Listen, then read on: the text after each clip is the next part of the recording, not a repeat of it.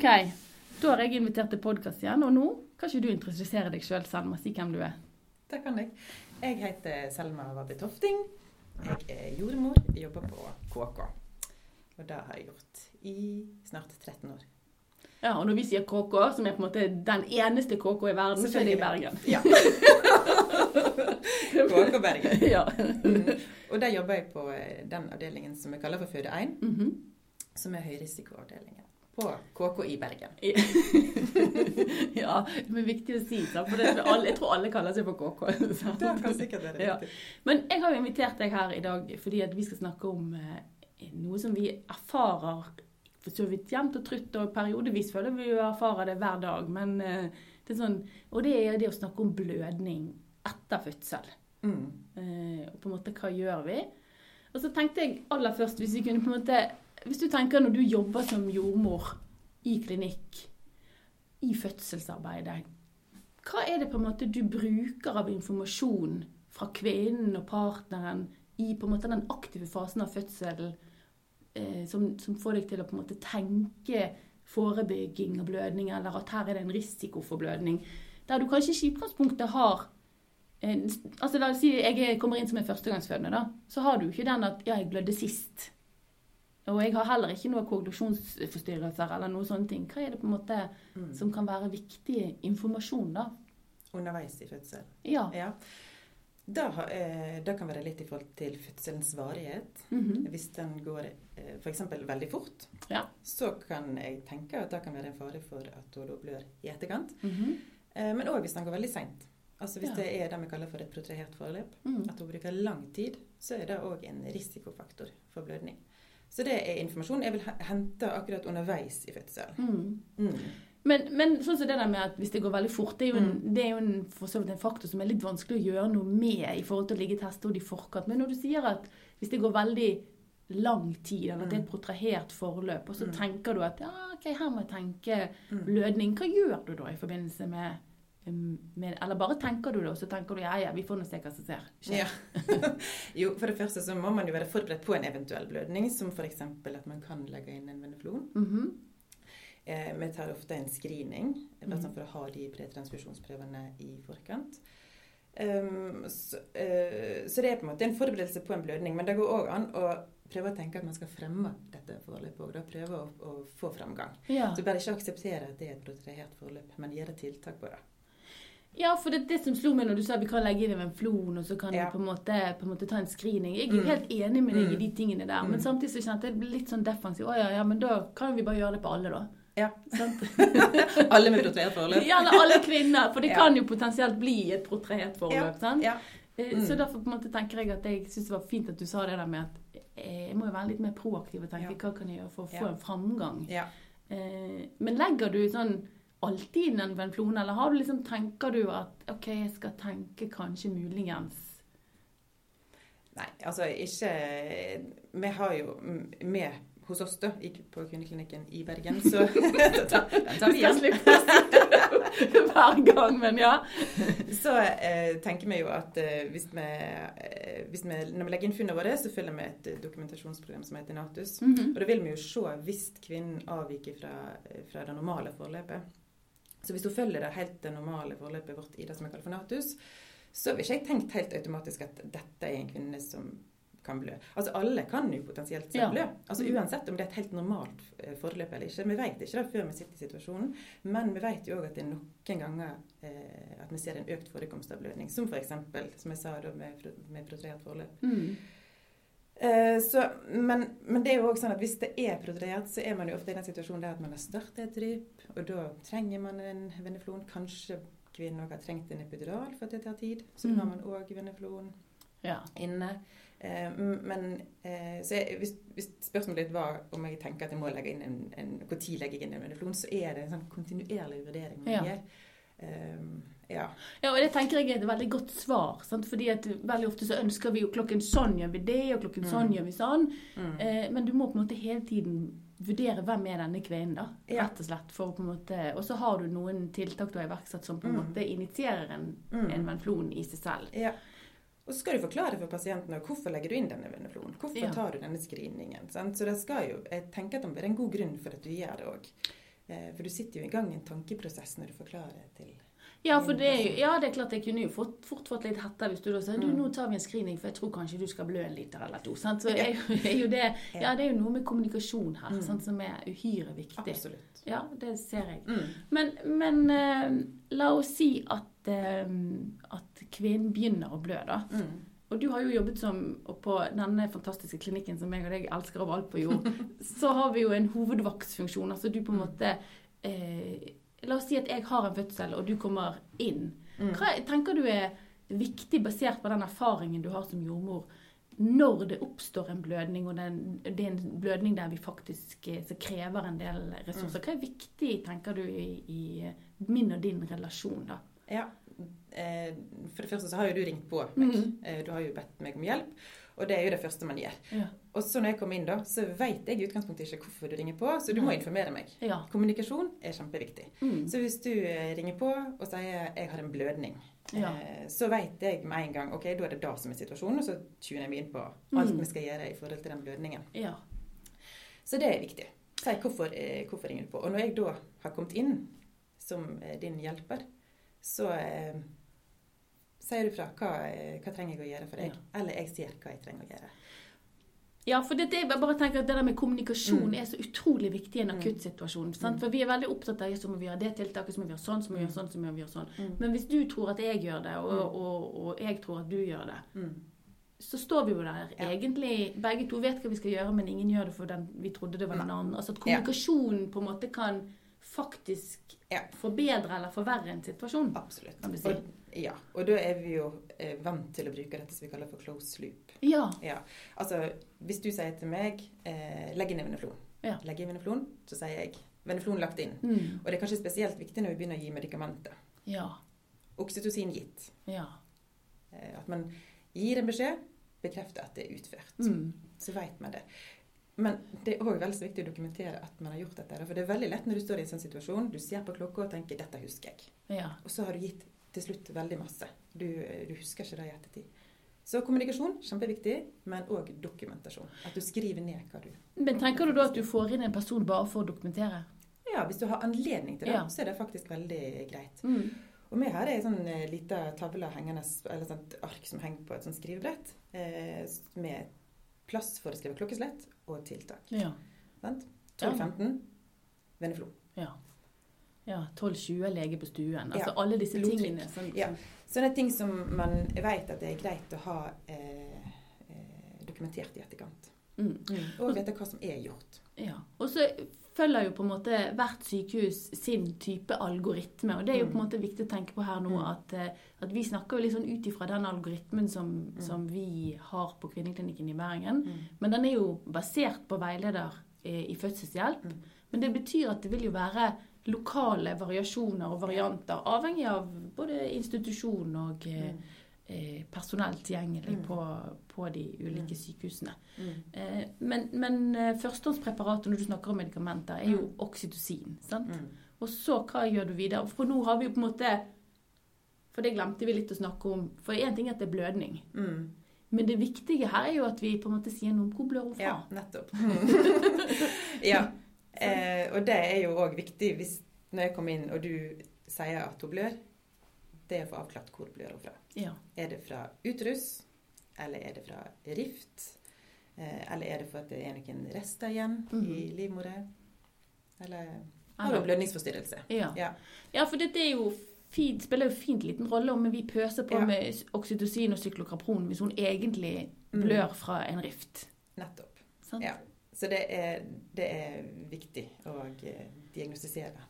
Ja, altså på mange måter så er det jo det er jo ganske komplekst, tenker jeg. For vi sier at det er viktig å komme i gang med tiltak raskt. Mm. Men så må jo vi vite at det tiltaket vi iverksetter, også har effekt. Så vi må jo ta oss en time, tid til en timeout for å på en måte si hva er det vi står overfor her? Ja, ja. Ikke bare jage inn i kaoset, på en måte. Og derfor er det veldig ofte vi er så Altså, mm, jeg kommer inn til deg, Ja. og så sier jeg Var placenta heil? Altså, si at du har Ja. fått forløst placenta, da. Ja, jeg tok et lite øyeblikk over den, kan du si da. Og så sier jeg da tar jeg bare en sjekk til. ja. For liksom helt sånn i kantene på denne placentaen kan det være at det mangler en liten bit. Mm. Så, eh, så må vi kanskje gjøre det opp igjen. Se en gang til på den. Eh, Eller inspiserte du eh, Ja, jeg så helt sånn ytterst. Jeg ser ikke noe rift. Mm. Men kan den være lenger inne, f.eks.? Ja. Så mm, hvis ikke hun responderer Hvis vi tenker å ja, nei, men da har vi landet på at det er en atoni, Ja. altså utrust, kontraherer ikke, eh, begynner å gi medisiner, ingen effekt, OK, da må vi begynne på nytt igjen. Ja. Er det noe vi har oversett her? Det, men det er jo dette med blødning. Det er et veldig, veldig sånn Det, det, er, det er ikke bare én årsak til blødningen. Og det er det som gjør akkurat denne prosedyren så omfattende òg, egentlig. Og litt vanskelig å sette et fasitsvar på. Ja, men jeg syns jo det er interessant at du sier at det ikke er én løsning. Nei. Eh, fordi at samtidig så drar vi jo ofte konklusjonen det er atoni. Altså vi går rett på atonien, og så er det på en måte mye mer komplekst, som du sier. sant? Så det fordrer jo at vi på en måte er lært opp til å tenke, for vi vet jo at de fleste blødningene på spartum skyldes en atoni. Mm. Men 70 det, ja, sant? Mm. men det er jo likevel noen andre som, som skyldes noe annet. Ja.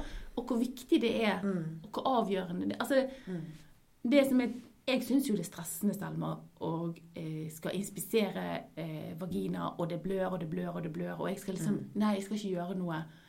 Eh, men skitt på at hun blør de 200-300 der, Mm. hvis jeg faktisk ser at det er en rift, enn at eh, hun blør 800 fordi at vi trodde det var anatoni, da. Mm. Mm. Altså, Hvis vi kan klare å tenke litt sånn Ja. rasjonelt. Ja.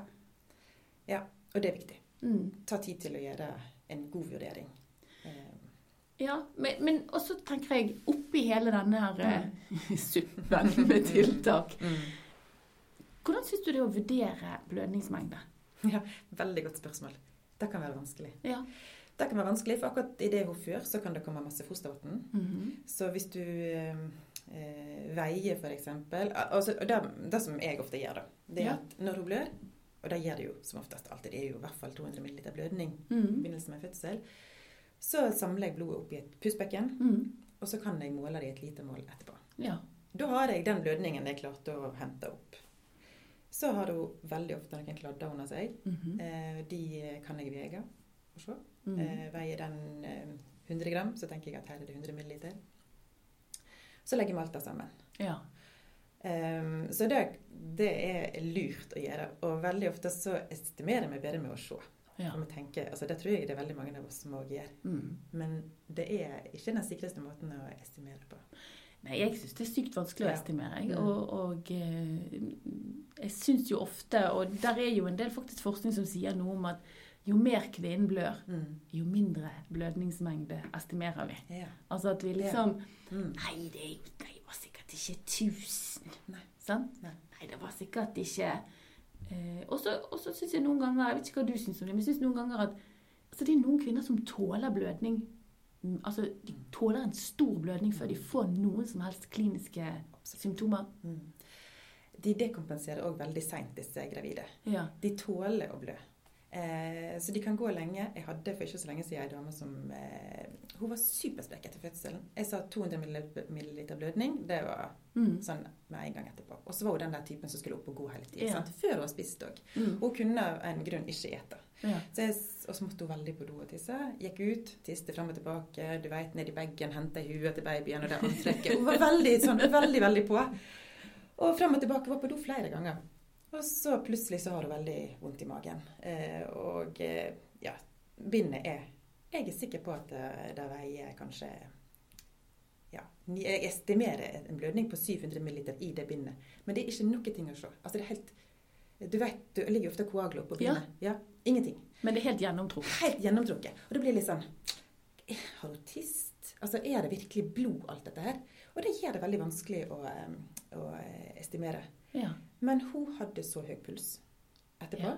Og det var sånn OK, du må ha blødd litt mer enn Ja. eh, det jeg faktisk tror. For da var jo det syv pluss to, det blir ni. Så jeg hadde tenkt 900 ml blødning. Hun hadde dagen etterpå en HB på seks. Hun har blødd mer. Ja, og da har hun blødd ganske kraftig. For det Ja. er jo noe vi må ta med oss i dette Mm. blødningsbildet. For jeg har jo vært med på blødninger der de har blødd opp imot en 1500. Mm. Så sier vi vi må følge opp på barsel Mm. med ta en HB. Så Mm. tar vi en HB neste dag. 10,1. Mm. Ja, er klart du kan reise hjem. Og så reiser du hjem, Mm. og så tar du HB igjen en eller to dager etter det igjen. Og så er du nede på 7-8. Mm. Fordi at kroppen bruker faktisk litt Ja. tid på å eh, respondere på det blodtapet i kraft av en nedgang i, i HB. Så Ja. da har hun jo blødd ganske kraftig. Ja. Mer enn 700 ml Mm. i det bindet. Og da tenker jeg hun har gått på do, hun har tist. Mm. Eh, hun har sikkert blødd en del der som ikke man har klart å fange opp. Mm. Så eh, den eh, det, det er mange ting som gjør det vanskelig å estimere blødningen. Ja, og det, og det tenker jeg at vi må ta med oss. For vi Mm. går jo ofte inn i dette med, i hvert fall som helt nyutdannet eller som jordmorstudenter med sykepleierbrillene våre på. Sant? Mm. At når vi har en, en blødning som er på en måte kanskje 500-600 ml, så er vi vant til at pasientene våre allerede er begynt å bli klinisk påvirket. Sant? Mm. Mens at den gravide tåler, sånn som du sier, Mm. veldig lenge en, en blødning. Eh, og det kan lure oss. Veldig. Men da er jo jeg veldig glad for at vi har fått inn dette her. Vi har jo alltid tatt en postpartum-undersøkelse etterpå der med mål Ja. blodtrykk og puls. Men bare at vi husker det der med lavt blodtrykk, høy puls, da har kvinnen blødd.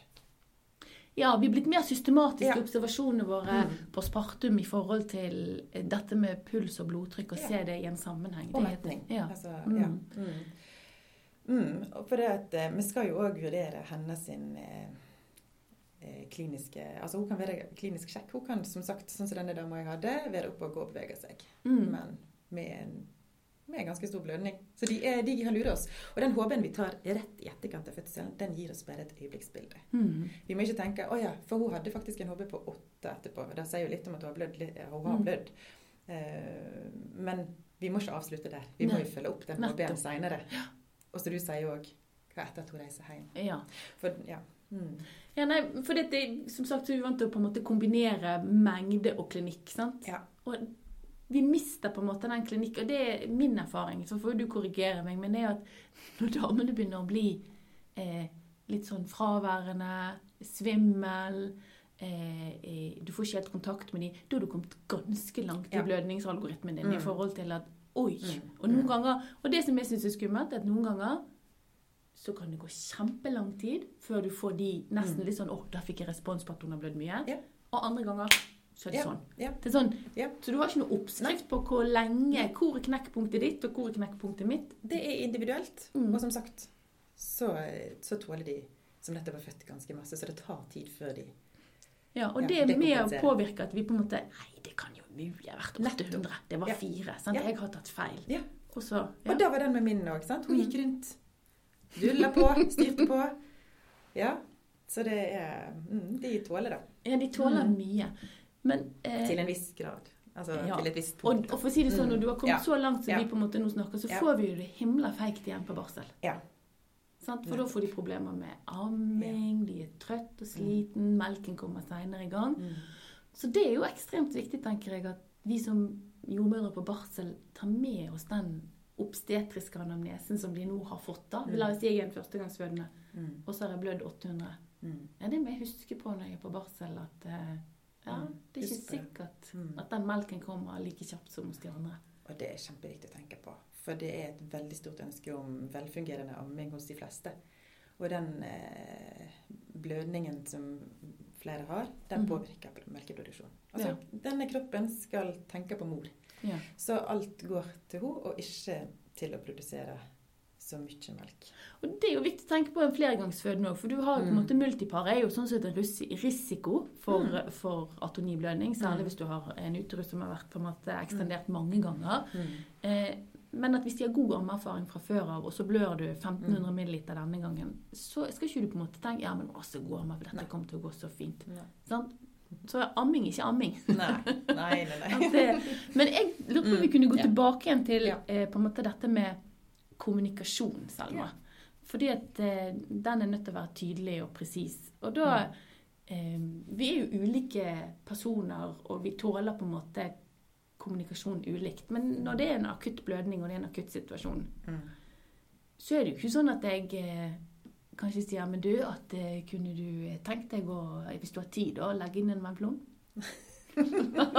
Sant, nå er du den veldig snille typen, da, sånn. så du ville jo sikkert sagt det på den måten. ja, sant? Nei.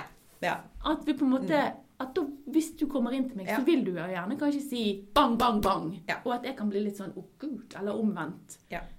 Da er det sånn Komprimer uterus, legg inn venflon, um, trekk opp syntocinon. Unnskyld, oksytocin. Ja. det er navnet. Ja. Endrer jo hele, hele tida. Um, så det er lov å ha korte beskjeder, men det er òg viktig å, at man snakker fint til hverandre. Ja. For hvis det er liksom sånn eh, Du vet når du opplever at noen blir litt sånn irritert eller sint på deg for at du faktisk ikke gir deg det tempoet Mm. de tenker, da jobber du bare enda seinere. ja. Så um, det er viktig å ivareta den gode kommunikasjonen òg, Mm. da syns jeg i alle fall. Men at det er korte beskjeder. Og som jeg sa i stad, eh, hvis jeg sier 'trekk opp oksytocin', Katrine, så trekker du opp. Og når du sitter der, så sier du 'oksytocin gitt'. Mm. For det var det jeg ville at vi skulle på en måte diskutere Ja. litt. Dette her med at det, vi er nødt til å akseptere at det blir Ja. kanskje litt høyere volum. Mm. Ikke denne der eh, 'vær så snill', det er kommandokommunikasjon. Ja. Eh, men likevel med en respekt for den andre. At man ikke Mm. blir irritert. Nei. Og så er det også, hvis man, eh, For det, det er jo en algoritme man skal følge her på medikamenter. sant? Mm. Så noen ganger så kan man være usikker på hva var det neste medikamentet jeg skulle gi her. Ja. Så hvis du, jeg tenker nei, nå hoppet du over et, så våg å si at eh, du, det var det andre vi skulle begynne på nå, ifølge vår algoritme. For denne algoritmen endrer seg hele tida. Så det Men- er lov å være usikker. Og det tenker jeg er ekstremt viktig. For når jeg ber deg om hjelp, Ja. så er jo det fordi meg og deg er et team. ja, nettopp. Ja. Sant? At vi Mm. må tenke på Det er jo ikke fordi Og grunnen til at jeg sier dette så sterkt, det er jo fordi at nå går jo studentene våre går ut i praksis, og da blir jo på en måte rolle litt sånn ikke teamrelatert. sant? Og det handler om at de skal vise sine kunnskaper. Ja. Men i en akuttsituasjon så må jo på en måte Ja. alle vi tenke at å gud, nå ga hun metagin. Ja ja, det hadde nå ikke jeg gitt. Nei. Altså, det er jo ikke sånn vi jobber. Nei da. Og som jordmorstudent så kan det være greit å si er det nå jeg skal gi metagin? Ja. Altså, sånn, for man, skal jo, man er jo student, og man skal jo vise at Mm. man tenker òg, istedenfor å bare si 'nå gir jeg Ja. metagin'. Så er det klart at eh, det er jo greit Ja. å gjøre. Ja, men altså, Ja. jeg tenker at når vi da jobber sammen, og hvis noen hadde Mm. sett på oss utenfra, så ville de Ja. på en måte forhåpentligvis tenkt at nå ser jeg at hun glemte det, men da gikk selv meg inn og gjorde det. Ja. Ja. Eh, Ja.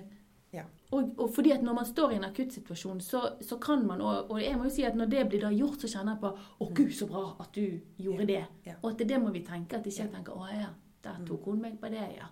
Så, altså, Vi hjelper hverandre. ja. Ja, vi jobber i team, som du sier. Kjempeviktig poeng. Og eh, ja. Og så, eh, når vi er tilbake på dette med å gi og, og måte kommunikasjon, så er det òg viktig for meg å vite når jeg kommer inn, hva har du gjort i forkant? Var dette en kvinne du valgte å gi oksytocin profylaktisk til? For Da Mm. vet jeg jo ok, du har gitt f.eks. ti internasjonale enheter av det. Det er viktig for meg å vite Mm. før jeg går videre. For det er jo en ramme for hvor masse vi kan gi av ulike medikamenter før Nettopp. placenta er født, f.eks. Mm. Så hvis du allerede har kjørt på, og kanskje til og med gitt, altså du har gitt den dosen du kan før placenta er forløst, så kanskje jeg fortsetter med det. Derfor er det viktig for meg å vite eh, hvor langt er du kommet, og hva har du gitt. Ja, veldig viktig poeng. Sant? Sånn at jeg kommer inn og får en på en måte Ja. fort brief på hva Ja. er situasjonen her, hva står vi overfor, hvor går vi videre. Men det er òg litt ditt, ansvar. Altså, eh, jeg har en pågående blødning. Jeg har gitt ti internasjonale enheter med oksytocin. Eh, placenta er forløst. Mhm. Det kan jeg jo ofte se òg, da. Ja. Men, eh, forhåpentligvis. ja. Men det er noe med bare informerer. informere. Eh, og når vi snakker om å informere og kommunikasjon, så har vi òg en kvinne, vi har en far, Mm. og vi har eh, to stykker som nettopp har fått et barn. Så det er de òg skal ha litt informasjon i, i forhold til det som skjer. Jo, og det som du sier der, syns jeg er kjempeviktig. Og det er jo mange ganger vi har stått i situasjoner Selma, der vi tenker at eh, vi må gå inn etterpå og på en måte ha en type debrief også Mm. med, med paret om hva Mm. som skjedde.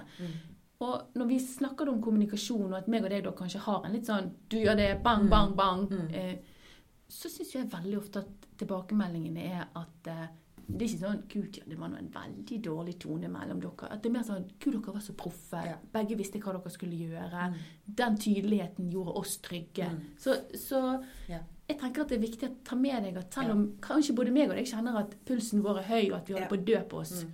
eh, så er du bare nødt til å gå inn i situasjonen og være til stede. Vi må ta på oss den profesjonelle rolla Ja. eh, og gi uttrykk for at vi For vi vet jo hva vi gjør. Sant? Mm. Altså, det, stress er jo én ting, men vi vet jo hva vi skal gjøre. Eh, og, og å formidle det til eh, de som er i rommet. Altså Mm. fødekvinnen og eh, partneren. Det er viktig å ta med seg. Ja. ja sant? Altså, nå gjør vi dette for Det er bare en kort beskjed. Mm. Eh, vi, nå gir vi medisiner for at vi skal få livmora til å trekke seg sammen. Mm. Ok, det er det de holder på med, ja. Eh, og veldig ofte, og det er jo ulikt òg eh, hvordan en pårørende reagerer på veldig mange i rommet, eller Mm. fødeparet. da. Det er, noen syns jo at dette her er helt supert. Hele Ja. KK kom inn. Jo flere, helt jo nydelig. Ja. Da, dette, dette, og for et fantastisk team. Eh, og syns at det er helt fantastisk. Mens Mm. andre syns at det, det var altfor mange. Og, og det er òg viktig, for noen ganger så kan det bli for mange. Mm. Så det er viktig at det er kun de som har en rolle der inne, som er på rommet. Ja, det, det, det, det er helt riktig. Eh, også ta en rolle, da. Nettopp. Ser du at det er ingen som dokumenterer her, så ta blokket, pennen, og si 'jeg dokumenterer'. Mm. Nydelig. Så eh, det er, ta, ta, den, ta den plassen du ser at du kan ta i rommet. Er det en far som trenger at noen gir han litt drikke, så gi, ta Mm. den plassen og gi han, gi han det. For det som på en måte er det som slår meg som fascinerende når vi nå snakker, sant? det er liksom å, hva, krav kan vi gjøre for å forebygge, hva medikamenter skal vi gi, og sånn og sånn. Det er jo på en måte uhyre viktig, men det er nesten litt sekundært hvis kommunikasjonen på stuen er helt ko-ko. Ja, ja. Så, så du kan si at måten vi kommuniserer, eh, både trygghet og eh, hva som skal gjøres, Ja. eh, er uhyre viktig. Og ikke minst det der at noen må være leder. Du vet ikke, Det er så deilig når noen bare hever stemmen og litt sånn, du vet på det nivået Ja. der det på en måte, det er ikke skummelt, men det er veldig trygt. For det er noen som hele tida har den der eh, Du hører at det er en leder i rommet. Mm. Eh, den, og det er i vårt tilfelle veldig ofte den som har eh, den ansvarsvakten på avdelingen. Da. Mm.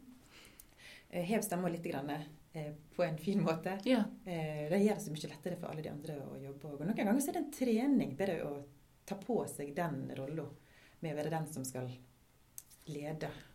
Men det er litt viktig at du sier at det er på en måte en liten sånn definert eh, eh, lederskikkelse. For vi har jo vært med på situasjoner der ingen tar ledelse. Mm. Det blir helt ko-ko. Mm.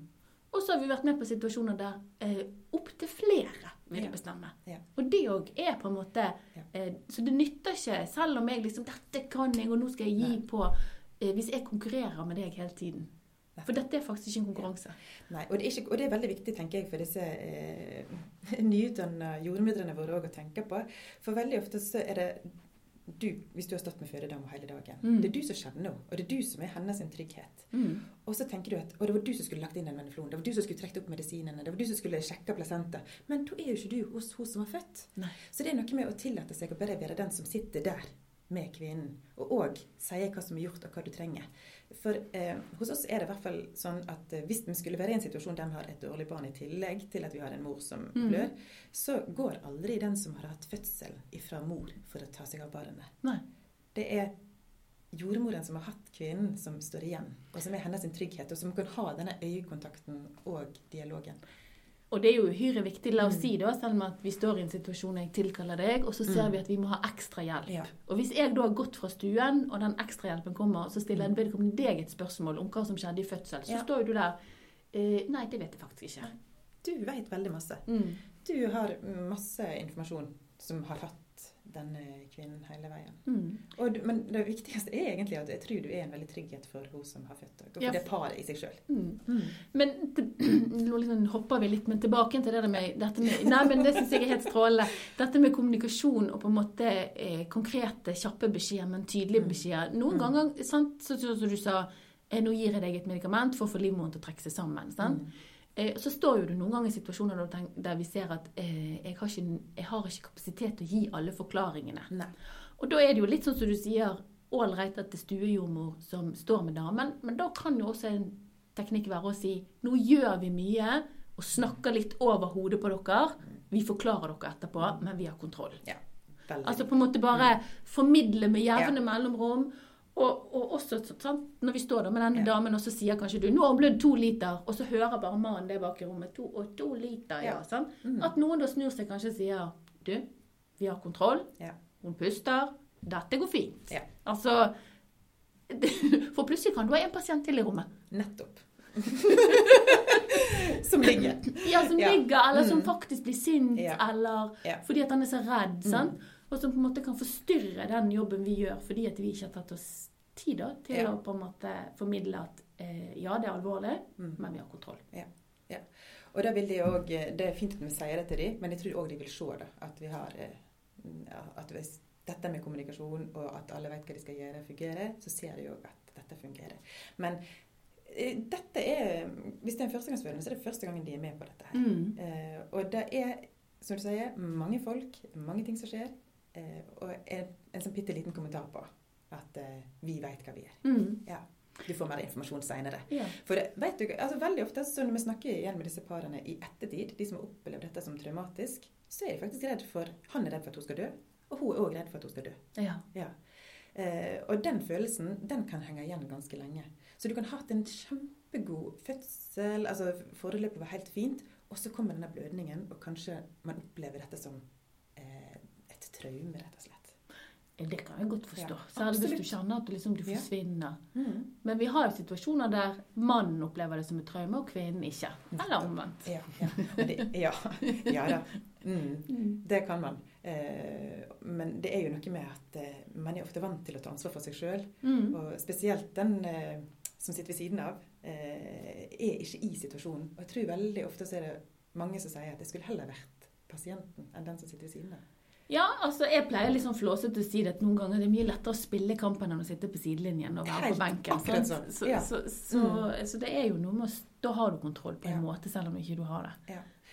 Og Før hadde vi òg en sånn eh, ja, rutine på at vi tok far ut av fødestua. Eh, I det en blødning pågikk. Spesielt Ja, hvis det ble litt sånn. Ja, så tok barnepleieren tok med seg far eh, eller pårørende ut. da. Eh, og eh, de Ja, det kunne gå en halvtime. Den halve timen å sitte der ute og ikke vite hva som skjer, den eh, er det ingen som beskriver som god. Eh, det er det er verstefallstenkning. Mm. Og det forstår jeg. Selv om den òg kan være til stede inne på fødestuen, så er man i hvert fall i situasjonen, og man ser hva som skjer. Ja, det er, et- det er jo interessant, det finnes jo en del forskning på det nå. Sant? For vi har jo gjort det der med hjerte-lungeredning òg, at vi tar ut eh, når du får hjertestans. Men, men, men at pårørende faktisk Ja. sitter igjen med en mye bedre håndtering av traume hvis de får være der. Fordi at da har de ikke Hva var det de egentlig gjorde? Nei, de hadde full kontroll. Mm. Ja. Så på en måte, ikke jag de ut. Det er egentlig det vi sier nå. Ja. Og vi gjør jo ikke det når vi driver med på en måte resuscitering av nyfødte heller. Da er de der. De er til stede. De får kontinuerlig informasjon. mm. Eh, og òg den der, som du sier, eh, vi informerer, vi, vi gir deg mer eh, opplysninger etterpå. Ja, og- ja, Mm. nettopp. sant? Det er på en måte viktig. Men, men da tenker jeg Selma, hvis vi på en måte skal oppsummere litt, da, så har vi på en måte denne eh, blødningspodkasten den har på en måte spriket i alle retninger. Og det syns jeg Mm. egentlig er helt strålende, for det viser kompleksiteten i det vi holder på med. Mm. Eh, men vi, er vi enige om at vi kan bruke helsekortet, Mm. og vi kan bruke fødselen Mm. til å predikere, eller i hvert fall tenke blødning? Ja, Nå snakket vi ikke så mye om hva vi kunne bruke helsekortet til, da. Men jeg syns i alle fall at eh, tidligere obstetrisk historie det er vi Mhm. nødt til å vite noe om. Ja. I hvert fall hvis det er tidligere blødning. Mm. Uh, ja. Sjekk HB. HB, BMI. Vi vet Mm. at eh, litt for høy BMI kan være en risiko for blødning. Mm. HB, ja. Hos oss har altså Har du en HB på min, altså lavere enn 9, så får ikke du fø på den lavrisikoenheten vår. Nei. Nei, nei, men HB, altså, HB under 10 kan jo i seg selv være en risiko. Eh, Mm. altså, og- Uansett. Ja, Ja. uansett Mm. sant? Men at det handler jo på en måte om, om, om utrus evne til å kunne kontrahere, fordi at man da ikke får nok blodtilførsel, og Mm. muskelen Mm. rett og slett er litt, eh, blir litt lasen, den òg. Ja, det er det jeg tenker i hvert fall at man kan hente fra helsekortet. da. Mm. Også det som jeg snakket om ja, i, underveis i fødselen.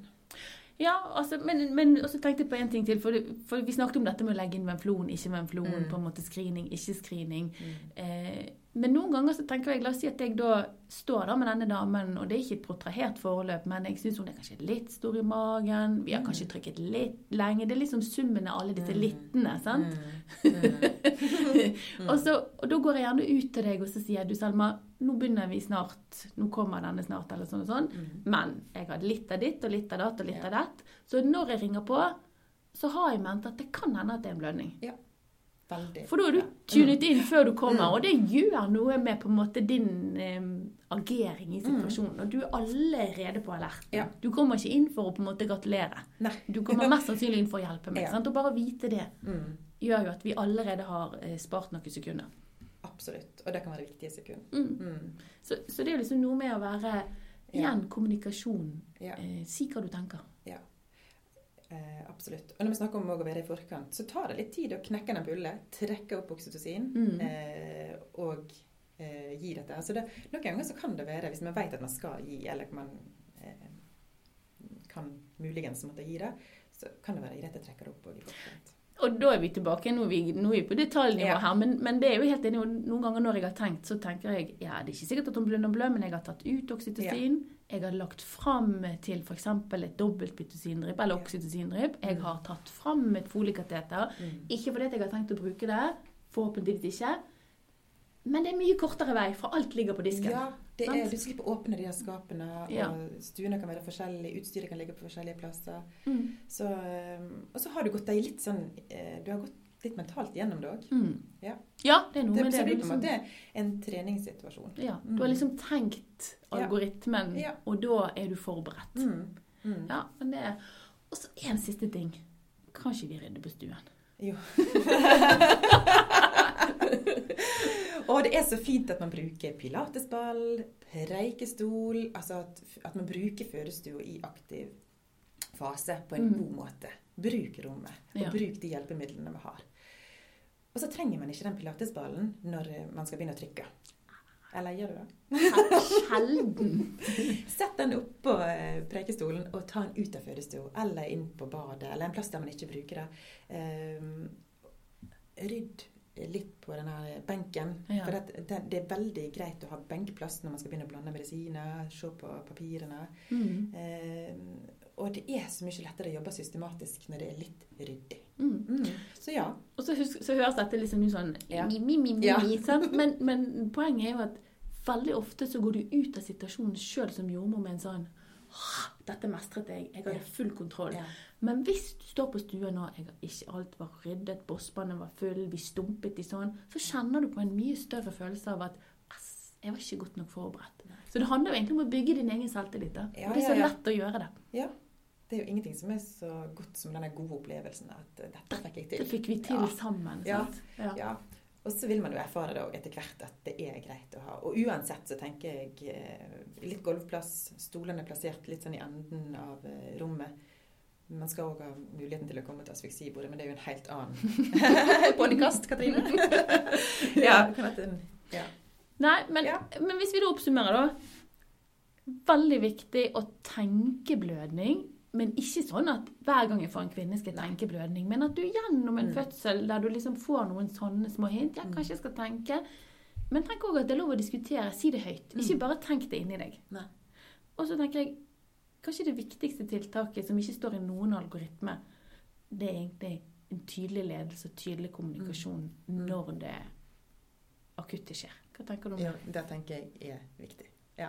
Ja, men da tror jeg vi har gitt eh, studentene våre ganske mange knagger de kan tenke Mm. gjennom og reflektere rundt. Mm. Og så skal ikke meg og deg påberope oss fasiten, men at vi har på en måte snakket ut ifra de erfaringene vi har gjort oss, og de, den kunnskapen vi har om blødning. Absolutt. Ja. Ja. Det høres veldig bra ut. Og så er ja, igjen algoritmen så ulik ut ifra hva er årsaken til blødning. Og det er viktig å huske på. Ja, veldig bra avslutning. Mm. Da sier jeg takk, Selma. Hyggelig. Takk for meg.